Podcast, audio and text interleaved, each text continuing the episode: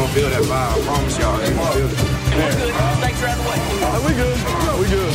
Fuck! Oh, he's thrown out of bounds over on the far side, and there's a couple of penalty flags. This is totally out of control. Då, mina damer och herrar, säger vi ännu en gång varmt välkomna till denna succépodd som heter vadå? NFL med Gnistan. Och Me, Myself and I, Sheriffen och Rogga är här också, hunden. Så att vi är, vi är som triple and touch idag, vi är tre. kan förekomma lite voffningar och kan Yes. också förekomma lite smågnäll från monitorn som jag har bredvid mig just nu med tanke på att sambon min är iväg och köper blöjor. Ja, De okej. höll på att ta slut så, så det var prompt tvunget att åka till affären och i och med att jag sitter här och gör podden så fick det landa på henne.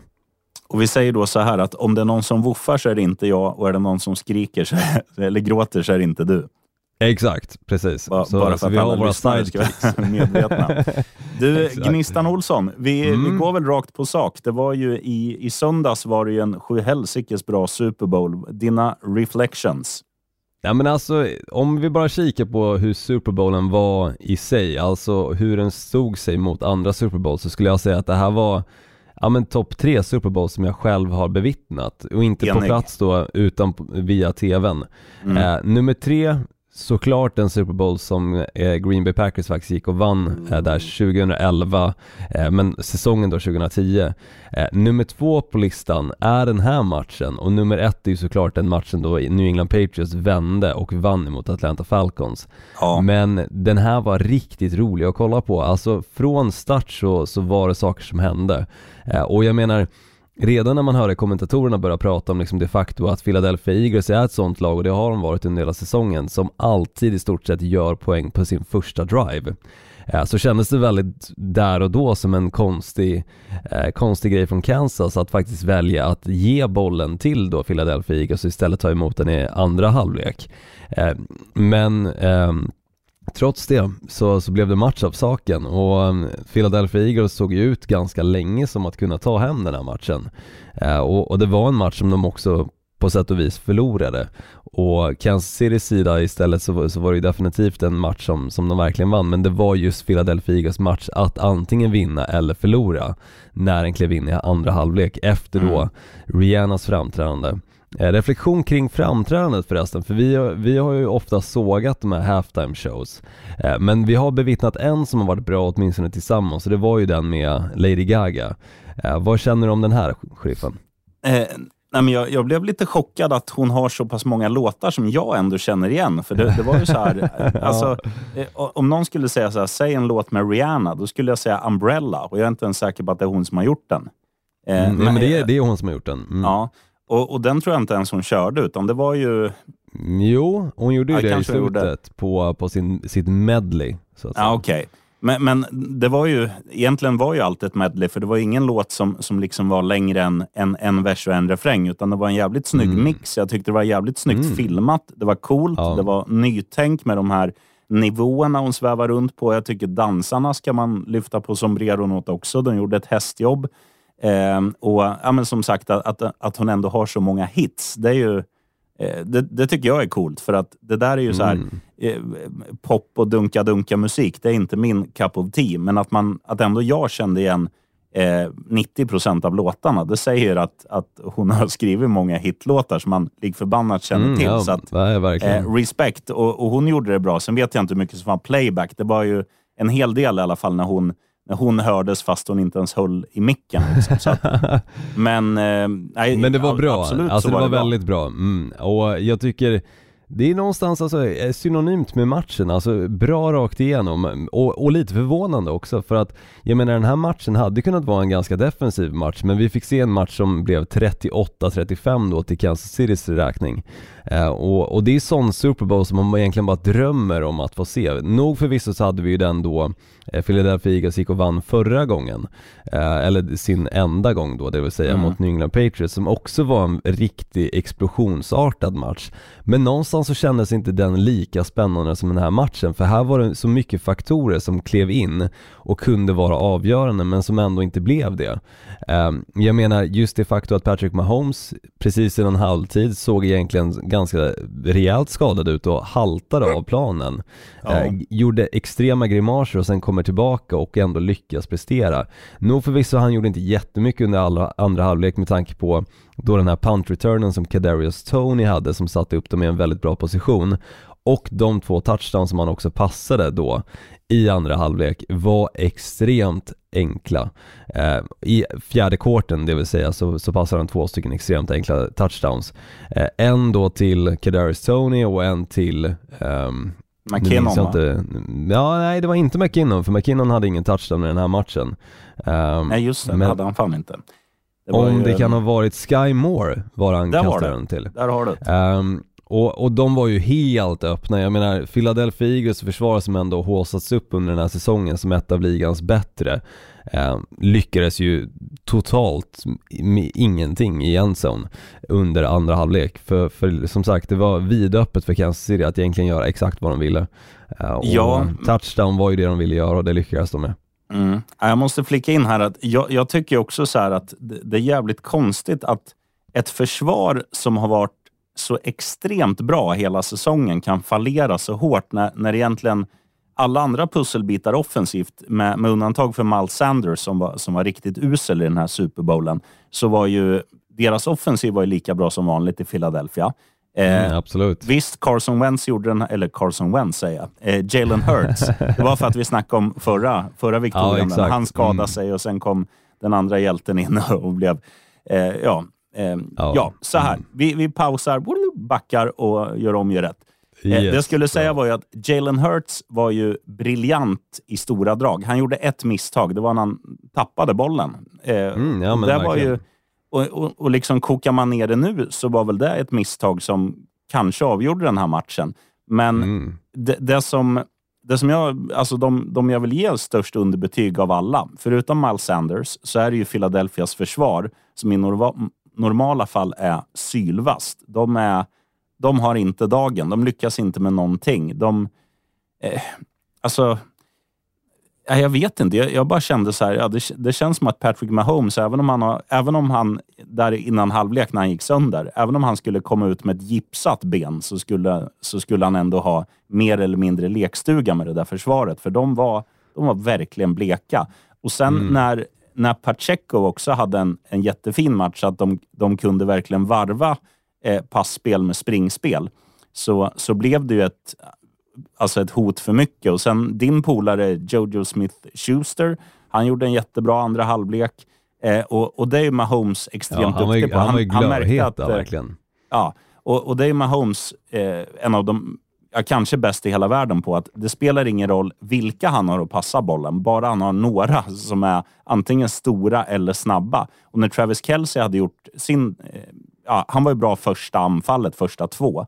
Eh, sen gör inte han så mycket, men då blir det så här, okej, då, då saftar jag den på Juju, jag saftar den på eh, sådana här no-name receivers som de är så duktiga på att få fram där. Eh, För att sen sälja vidare och hitta nya. Eh, Ja men Ju- Justin Watson hade två fångster, visst bara 18 yards men det, det är liksom ändå sånt som gör skillnad i matcher Mm. som, som denna. Eh, och, men sa, samtidigt på andra sidan så tycker jag liksom att Jalen Hurts han hittar ju fram till Devonte Smith, A.J. Brown, Dallas Goddard. och Goddard, och- fan vad bra han var. Ja men de hade ju en jättematch allihopa egentligen. Ja, ja. Men, men, det, men det är just det här med försvaret som, som var det stora för Philadelphia Eagles. Så det var ju som sagt det också man hade håsat upp när man, alltså pratade upp Philadelphia Eagles inför den här matchen, att de i stort sett under hela säsongen har haft ett av ligans bäst, bästa försvar. Mm. 49ers hade det bästa, men sen var det fan Philadelphia Eagles som var nummer två. Och jag menar, 38 poäng mot ett av ligans bästa försvar ska inte ske, men samtidigt så hade de inte heller mött en quarterback som Patrick Mahomes. De har inte mött ett lag som är så välcoachat som just Kansas City Chiefs heller. Eh, och det fick man se i den här matchen. Det, det var coachingen också till viss del som, som ledde till då att Kansas City Chiefs fick en möjlighet att faktiskt gå, gå och avgöra den här matchen med ett field goal. Ja, Eh, självklart. hade det inte varit för Andy Reid, hade det inte varit för hur, hur det här laget samlas kring hans eh, vision om hur spelet ska spelas så, så, hade inte den här matchen slutat på det sättet. Eh, Nick Sirianni, man ska inte säga ifrån honom någonting, headcoachen i Philadelphia Eagles, för att de spelade som sagt väldigt bra under den här matchen, men kanske det man borde kika på är defensiva koordinatorns möjligheter eller framförallt eh, anpassningsförmåga i just den här matchen. För när det började gå dåligt så kändes det inte som att det fanns någonting som de kunde göra för att det skulle gå bättre utan det kändes som att det snarare gick tvärtom. Och det slutade med att då spelare som exempelvis Bradbury gör en holding för att om man inte hade gjort det, ja men då hade det blivit en touchdown ändå eh, i det läget för Judy Smith-Schuster förmodligen. eh, för att han hade kommit loss och eh, Bradbury erkände det själv också efter matchen. Det var många som bara, ah, fan domaren avgjorde Super Bowl eh, och lät dem då eh, få den här möjligheten att ticka ner klockan och sen sparka avgörande field goalet. Men Bradbury själv, han som då gjorde den här holdingen och fick eh, eh, regelbrottet emot sig, har ju gått ut och sagt att nej men det var en holding. Uh, och, och, jag gillar att Philadelphia Eagles inte har några ursäkter. De försöker inte ursäkta sig om hur mm. matchen spelades. Uh, när reportrarna pratar om att ja, men planen var ju så, så pass dålig, hur mycket påverkar det spelet? Ja men fast båda lagen spelar på samma plan. Uh, så, så det var ju samma, samma möjligheter för bägge lagen att dels vinna matchen och förlora matchen på grund av planen. Ja, ja definitivt. Så, eh, så jag, jag ska... gillar den mentaliteten. Det, det, är någonting som man inte alltid ser. Eh, och framförallt inte om man kikar på head, eh, quarterbacken då i New York Jets sida. Eh, eh Wilson där som, som helt och hållet är ja, men, ingen, ingen liksom eh, verklighetsförståelse liksom. Mm. Jag måste bara flika in det där med, med domslutet där att jag tycker också att det är en holding. Men jag tycker, som de har dömt tidigare i matchen, då tycker jag inte att det där ska vara en holding. För att det, det är det där vi har snackat om förut, att vara konsekvent eller okonsekvent. Och det där var egentligen det enda eh, okonsekventa beslutet de tog under hela matchen. Så jag, jag, kan tycka det, det var lite hårt om, men sam, i ett avgörande om, läge. Jag håller med, men samtidigt om det är en holding och vi säger att bollen hade varit lite bättre placerad och det hade varit helt uppenbart att Juju Smith-Schuster hade fångat den för en touchdown och Kansas City Chiefs inte hade fått den holdingen så hade det varit åt andra hållet istället. Jo, och Philadelphia Eagles exempelvis gick och vann. Men, såklart. men det, det, är alltid det där liksom. Det, det, går att se olika på domslut, men, men, jag tycker att om det faktiskt är ett domslut som, som ändå är tydligt och dessutom spelaren själv går ut och säger att nej men det var en holding, så känns det som att det finns ingenting att diskutera egentligen. Nej, eh, det vore, det vore annat om, om spelaren liksom vore helt i denial och, och headcoachen tycker att nej men fruktansvärt, eh, fruktansvärt av domarna och, och allihopa. Men jag menar den diskussionen har ju lagt sig lite också på grund av vad Bradbury själv gick ut och sa. Jo, absolut. Eh, en grej som jag vill nämna med Kansas City som, som visar också att de, att de är så jävla sköna som lag. Det är det här, du vet den här när de hoppar runt som, jag vet inte vad man ska jämföra det med eh, dagisbarn som dansar runt en, en grill typ. Eller Merry-go-round. Så heter den. Mm. Och, och, och, när man gör den i en Super Bowl, då har man, då har man självförtroende, då har man lekfullhet. Och sen ska fan McKinnon och eh, såklart Andy Reid, det är väl han som ligger bakom det där, när, de inte, när han inte springer in och gör en touchdown mm. där när det är ja, 1.30 kvar ish, utan han vet att okej, okay, om jag inte springer in med den här, Philadelphia har bränt sina timeouts. Vi har si och så mycket kvar på klockan. Vi, vi kan lugnt och stilla knäa tills vi får tills vi får sparka in matchens avgörande field goal. Och det är precis vad som händer. Och ha mm. den, liksom, eh, vad ska man säga, eh, och inte bli liksom tagen av stunden. För att, att vinna Super Bowl, det är liksom det största som de här kan göra. Nu, nu har Andy Reid vunnit, nu har Kansas City vunnit, många av spelarna som är med har vunnit.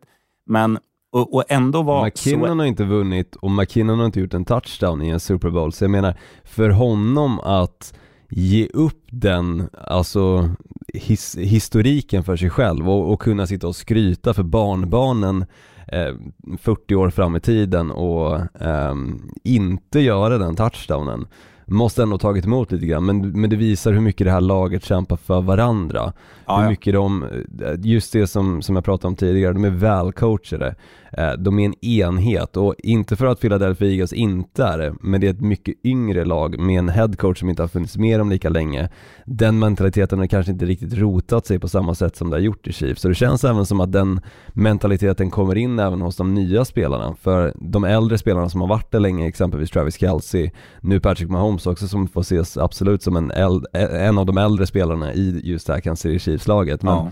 de, den auran de utstrålar är ju verkligen laget.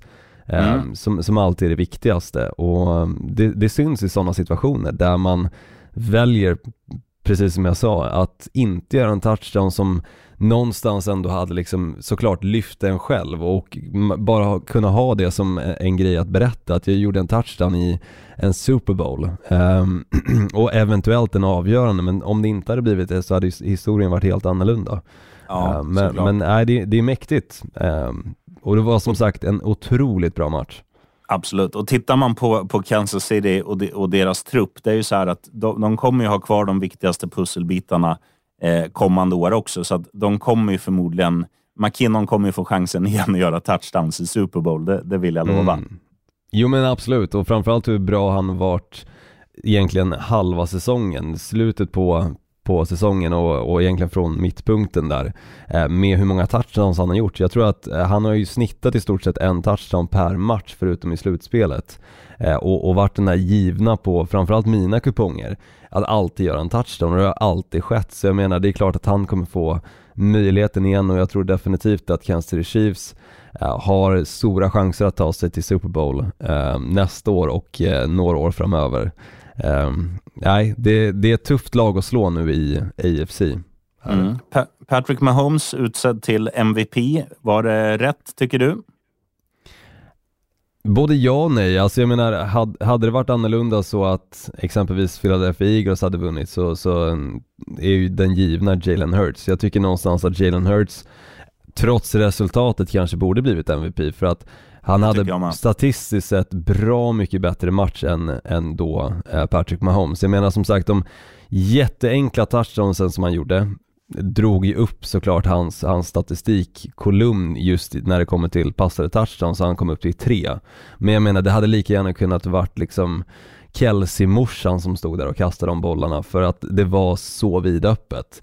Ingen hade kunnat missa ehm, de passningarna, kanske Mitchell Trubisky eller, eller någon annan men, men, men just av de här quarterbacksen så, så nej, eh, jag, jag tycker definitivt att värt hade varit att ge det till Jalen Hurts även om det är det förlorande laget men sen förstår jag att du måste någonstans ändå kika på vilket lag som vann och då ta MVPn därifrån men, men 304 passing yards, en touchdown passad, tre stycken sprungna och 70 rushing yards också. Jag menar det, det är vansinnigt egentligen i en Super Bowl. Hade det inte Ehm, varit för den fumben så hade ju han, alltså det hade ju varit facit på hur man, hur man spelar en match. Ja, och jag menar alltså spelare som exempelvis Lamar Jackson, han sitter ju säkert och dreglar liksom av den, de här statistikraderna bortsett från den fumblen och, och jag menar Lamar Jackson är ju ingen som inte kan springa med bollen men jag menar just tre stycken ru- rushing touchdowns i en Super Bowl, alltså Nej, jag tycker synd om just Jalen Hurts främst, att han inte vann den här för att han spelade så otroligt bra och det var bara ett misstag han gjorde. Ehm, så, så det är väl han som jag tycker mest synd om i Philadelphia Eagles och sen såklart jag tycker, jag tycker det är jättekul för Patrick Mahomes eh, del och hans legacy också att han, han vann nu sin andra. Han kommer in i en helt annan kategori när det kommer till eh, quarterbacks i, i ligan historiskt sett och Vinner han en till, ja men då börjar man fundera på om han kanske är den nästa Tom Brady att vinna sju stycken.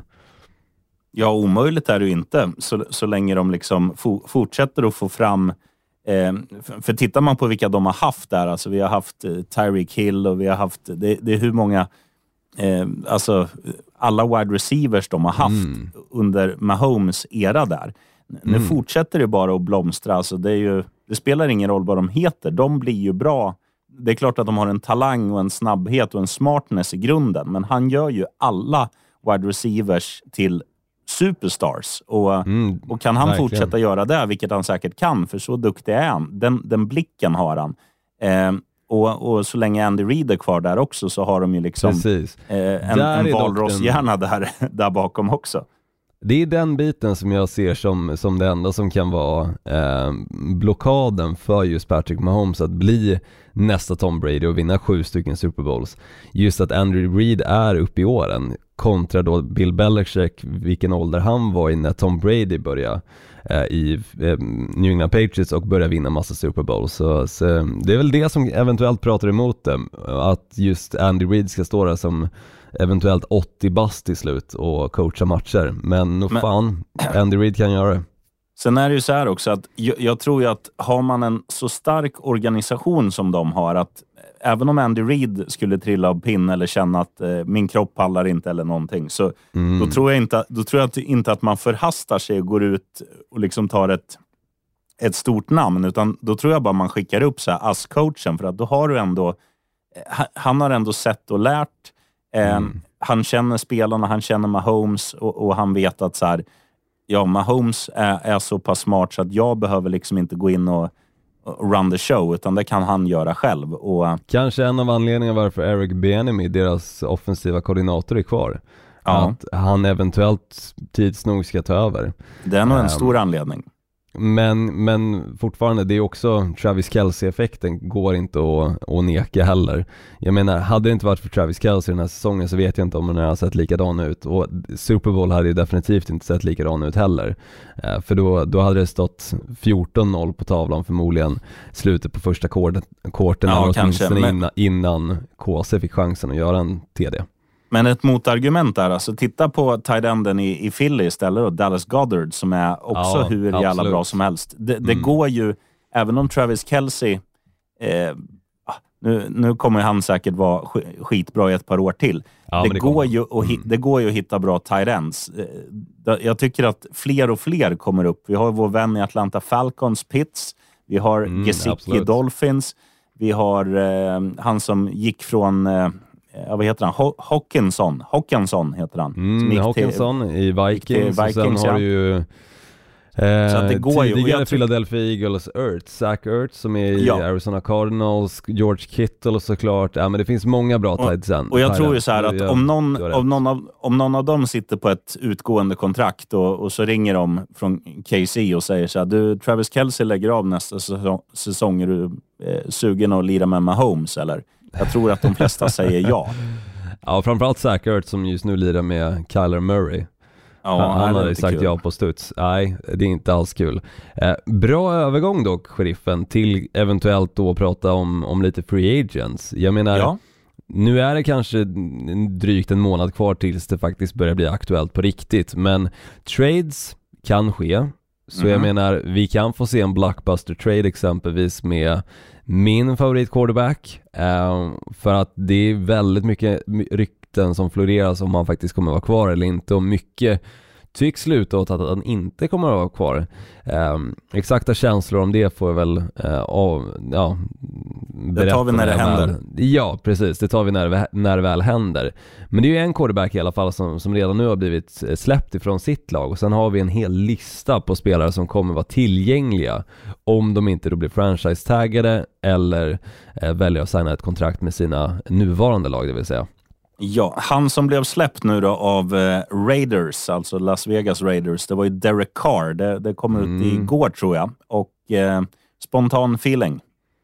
Nej men jag tycker det är alltså helt, helt rätt ifrån bägges håll. Jag menar de, de hade ingen intention på att behålla kvar honom. Eh, det verkar inte funka att trada honom just på grund av den, eh, den lön som han satt på. Så, så jag menar det enda som de egentligen kunde göra och också för att spara sig själva massa pengar 40 var att låta honom dollar. gå. Precis, så, så jag menar det, det är bra egentligen för bägge och Derek Carr hade själv requestat också så jag menar det är någonting som, som möjliggör hans chanser att välja exakt vilket lag han vill gå till kontra vad då Las Vegas Raiders eventuellt hade kunnat få och det hade kanske varit ett andra eller tredje pick för med tanke på då den, eh, den lön som han satt på. Eh, ja, absolut. Eh, det spekuleras ju nu, de, de första det, det pratades om att, eh, som, eh, ja, det låter ju så att de är ute efter Carr. Eh, det är Carolina Panthers och New Orleans Saints. Eh, ska du höra vilka jag tror han kommer krita på för? Ja, du verkar inte tro någon av dem i alla fall, tippar jag på. Nej, jag tror, Nej. nu när vår vän Tom Brady har lagt kastarmen på hyllan, så tror jag att det finns en lucka där. För va, alltså, Derek Carr är ganska bra i grunden. Jag skulle vilja jämföra honom med typ en Matt Stafford. Att liksom, Matt Stafford var ingen som trodde på när han var i Lions. Sen går han och, och vinner hela klabbet när han går till Rams. Eh, och, och tittar man på Derek Carr så är väl han lite av samma typ. Alltså, han, har ju han har ju ett skapligt rykte att han är en ganska bra QB. Han har ju aldrig lyckats med någonting och han har aldrig Nej, spelat i och ett han, har- han har en jävla bra trupp lag. också och misslyckades fatalt. Ja, men, men sen är det ju så här att han, det är fan inte hans fel att många andra i den där truppen underpresterar och, och gör dumma saker och sådär. Och, och mycket skador ska sägas också på nyckelpositioner. Men tänk dig om han skulle gå och liksom få en Mike Evans skadefri, som har fått spela golf nu i, ja, vad blir det, då, sju månader typ. Eh, och lite andra så här pusselbitar som, som säkert kan tänka sig att signa i Tampa för, för deras liksom, ja, men rent skattetekniskt och klimatmässigt. Eh, då kan det bli ganska bra där, för att det finns ju en, det finns en riktigt bra defensiv grund. Den var ju bra även i år, deras försvar. Kruxet var ju anfallet, att de var ju alltså, katastrofalt dåliga. Tom Brady hade väl sin sämsta säsong någonsin, gissar jag, i ligan. Eh, Mike Evans fick inte till det och, och sen var det mycket skador på de andra som liksom ska, ska dela på att göra poängen. Men lite läkkött på det där. En hungrig Derek Carr som vill eh, visa att han, att han är på riktigt. Jag tror fan att... Jag, jag tror inte det är dumt att, att gå till Tampa. Nej, det är absolut inte dumt för hans del, men jag tror att Tampa kommer köra en helt annan approach. Jag menar, många av deras nyckelspelare är potentiella free agents antingen i år eller nästa år. Eh, det kommer kosta ganska mycket att behålla dem kvar. Är det verkligen värt då att signa en veteran QB som inte egentligen har lyckats med någonting? Eller är det bättre att kanske försöka trada en del av de här spelarna som, som då eventuellt ändå kommer vara borta om något år eh, och, och dra till sig ett massa draftkapital försöka eh, drafta en, en duktig quarterback för den här draften kommer vara ganska quarterback heavy när det kommer till Mm. duktiga QBs och, och någonstans ändå bygga för framtiden. Nu har de kört på en veteran QB och det gick väldigt bra. Eh, det men går inte hela- att sticka under stolen med. Men varför göra den historien återigen med en quarterback som är bra mycket sämre och du inte alls samma möjligheter att ta dig till en Super Bowl med honom? Ja, men jag säger så här, hela, hela deras lag är ju byggt på veteraner och jag, jag, tror att, jag tror inte det riktigt funkar så att liksom ha de där gamla gubbarna och sen säga att eh, okej, nu, ska vi, nu ska vi tanka, nu ska vi trada av några, några bra spelare. Nu, nu jag, ska menar, vi... inte- jag menar inte att de ska tanka, för de draftar quarterbacken i år. Men jag menar att de kanske gör sig av med exempelvis Chris Godwin och istället draftar en eh, rookie wide receiver i tredje rundan. De, de gör sig av med ehm, några av de här kontrakten som, som eventuellt då hade varit eh, i diskussion för att förlänga. Jag menar Julio Jones exempelvis, ja men låter honom bli en Ja, free agent låt honom återigen. gå. Låt Ehm, honom gå. Och, och kanske um, Leonard Fournette, att du gör dig av med honom för att jag menar han har inte varit jättebra i år. Inte Nej. jättebra eh, utöver den säsongen han faktiskt gick och vann och kallades, eh, vad var det, slutspels-Lenny eller vad det var.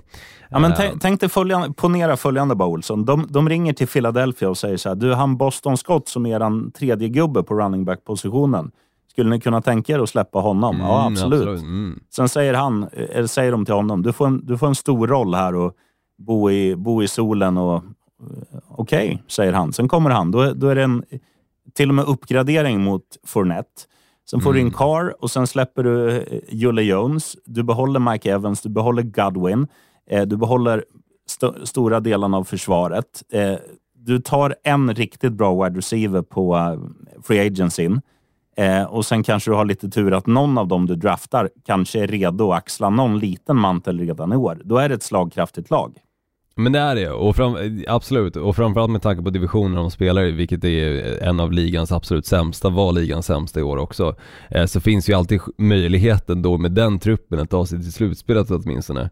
Eh, men jag tror att Derek Carr hade passat generellt bättre i ett lag som New York Jets dock. Eh, jag tror att det laget verkligen byggt för en veteran-QB och inte en rookie quarterback. Det fick vi någonstans också se när exempelvis Joe Flacco spelar i början på säsongen. Så funkar det laget väldigt bra. De gjorde, de gjorde inte några sexiga spel, men de gjorde tillräckligt mycket för att vinna matcher. Eh, och någonstans satte sig i den positionen där man börjar tänka att det här laget har faktiskt en möjlighet att ta sig till slutspelet. Eh, men, men sen dog det på grund av att de spelar en exempelvis då Zach Wilson eller eh, den andra eh, spelaren Mike White som har haft väldigt bra matcher men också ganska dåliga matcher. Får man då in en Derek Carr som någonstans ändå kan hålla en medioker nivå rakt igenom. Han gör misstag men inte så stora misstag som man inte kan bouncea tillbaka ifrån och vinna matcher. Ja men då har de en stor chans att faktiskt ta sig till slutspelet nästa år. För det laget är så pass bra redan nu. Så de behöver bara den där veterankuben som har lite rutin. Um, ja, det, är Bills och Dol det är Bills och Dolphins och New England emot, det är inte lätt. Nej jag vet, det är inte lätt, men jag menar han kommer ändå från en, division som inte heller var lätt. Så för Derek Carrs räkning så tror jag inte att det är, är jobbigt för honom att ställa sig emot dem. Uh, för han är ju van med Patrick Mahomes, han är ju van vid uh, Justin Herbert. Nog förvisso för att Russell Wilson var skit i år, men det borträknat så, så är det fortfarande en jävligt bra QB-division.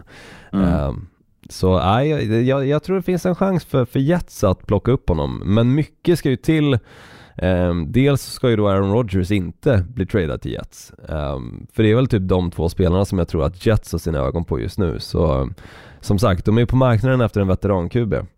Gillar Rogge, alltså Aaron Rodgers, gillar han New York?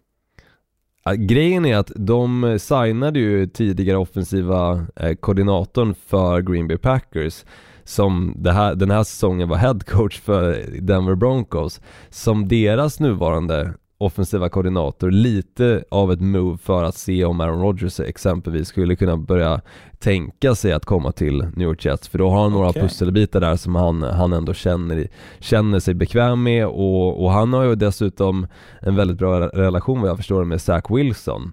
Uh, så jag menar, spela Aaron Rodgers två år och sen låta Zach Wilson få chansen återigen efter att ha lärt sig en hel del ifrån Aaron Rodgers. Ingen dum grej, ingen dum grej alls. Nej, det, det hade varit jävligt kul att, att, ha en så... Eh, då hade ju min division blivit än mer sylvass. Så att det, ja. det hade varit intressant ur den aspekten. Men eh, jag, jag, tror att han, jag tror att han letar värme nu. Jag tror att han, han känns mm. lite stekig, Aaron Rodgers. Jag tror att han vill bo... Eh, jag tror större chans att, att han går till något av liksom, Tennessee, lagen med... Tennessee Titans kanske? Ja, varför inte? De ska bygga mm. ny arena nu och grejer. Mm, och uh, han, har, han äger mark i Tennessee också, så uh, mm. Vi får se. Bollen är äggformad, men som sagt, det är väldigt många free agents um, såklart, som mm. det alltid är, med väldigt stora namn. Jag menar, Lamar Jackson är en free agent. Uh, och allt det här kommer att kokas ner om dryga månaden. Den 13 mars så kommer det bli möjligt för lagen att höra av sig till free agents och försöka uh, ge dem det bästa kontraktet för att få dem till just sitt lag. Och från den 15 mars så kan du alltså då signa dem och de här kontrakten blir officiella. Eh, och som sagt, Lamar Jackson är en av spelarna för att nämna några. Eh, men du har exempelvis Chauncey Gardner Johnson i Philadelphia Eagles som har haft en monstersäsong efter att ha blivit tradad ifrån eh, New Orleans Saints safety-position. Eh, och en av de stora nyckelspelarna skulle jag säga i det här Philadelphia Eagles-försvaret under den här eh, säsongen som har varit, Saquon Barkley. Han är free agent, 26 bast gammal och med, med lår som är större än två människor tillsammans. Um, så det är några riktigt roliga uh, namn att följa, Daniel Jones lika så. Och där är två stora spelare också som då New York Giants, det New York Giants-laget som ändå tog sig till slutspelet och hade en makalös säsong egentligen som ingen trodde skulle ske. Um, har nu ett beslut att välja hur de ska, ska fördela pengarna till Daniel Jones och Saquon Barkley för att nog fan tror jag att de vill behålla bägge efter den här säsongen. Ja, ja. 100 procent. Eh, Juju Smith-Schuster, han är free agent så eh, vi får se om han stannar kvar i KC och får ett kontrakt men jag tror att för att stanna i KC så skulle han absolut säkert kunna ta en paycut. Och sen han som vann rushing-kronan, Josh Jacobs, är också free agent. Så nej, för fan vad jag är taggad på free agency. Det är konstigt att säsongen kan vara över, men man är fruktansvärt taggad på fortsättningen bara. Och jag tror det är lite anledningen till att det är upplagt som det är. Att, att det alltid ska vara lite hustle och bustle kring det som händer och fötter. Ja men verkligen, jo men alltså jag menar mars har ju någonting att bjuda på med Free Agency och sen Mm, har du hela absolut. uppbyggnaden inför draften. Sen när väl draften har skett, ja men då börjar ju alla de här spekulationerna om exempelvis lag som har draftat en rookie quarterback som ställs mot en veteran QB, vem kommer vinna gigget och eh, du har wide receiver som, som toklevererar liksom i, i eh, rookie camp och man liksom börjar håsa upp de här eh, spelarna som eh, potentiella Justin Jeffersons liksom. Äh, det, det är fruktansvärt roligt och det, det finns alltid någonting med NFL och med det sagt så kommer vi ju inte lägga podden åt sidan nu för resten av eh, off-season utan vi kommer ju såklart köra lite avsnitt sporadiskt när det finns mycket att prata om.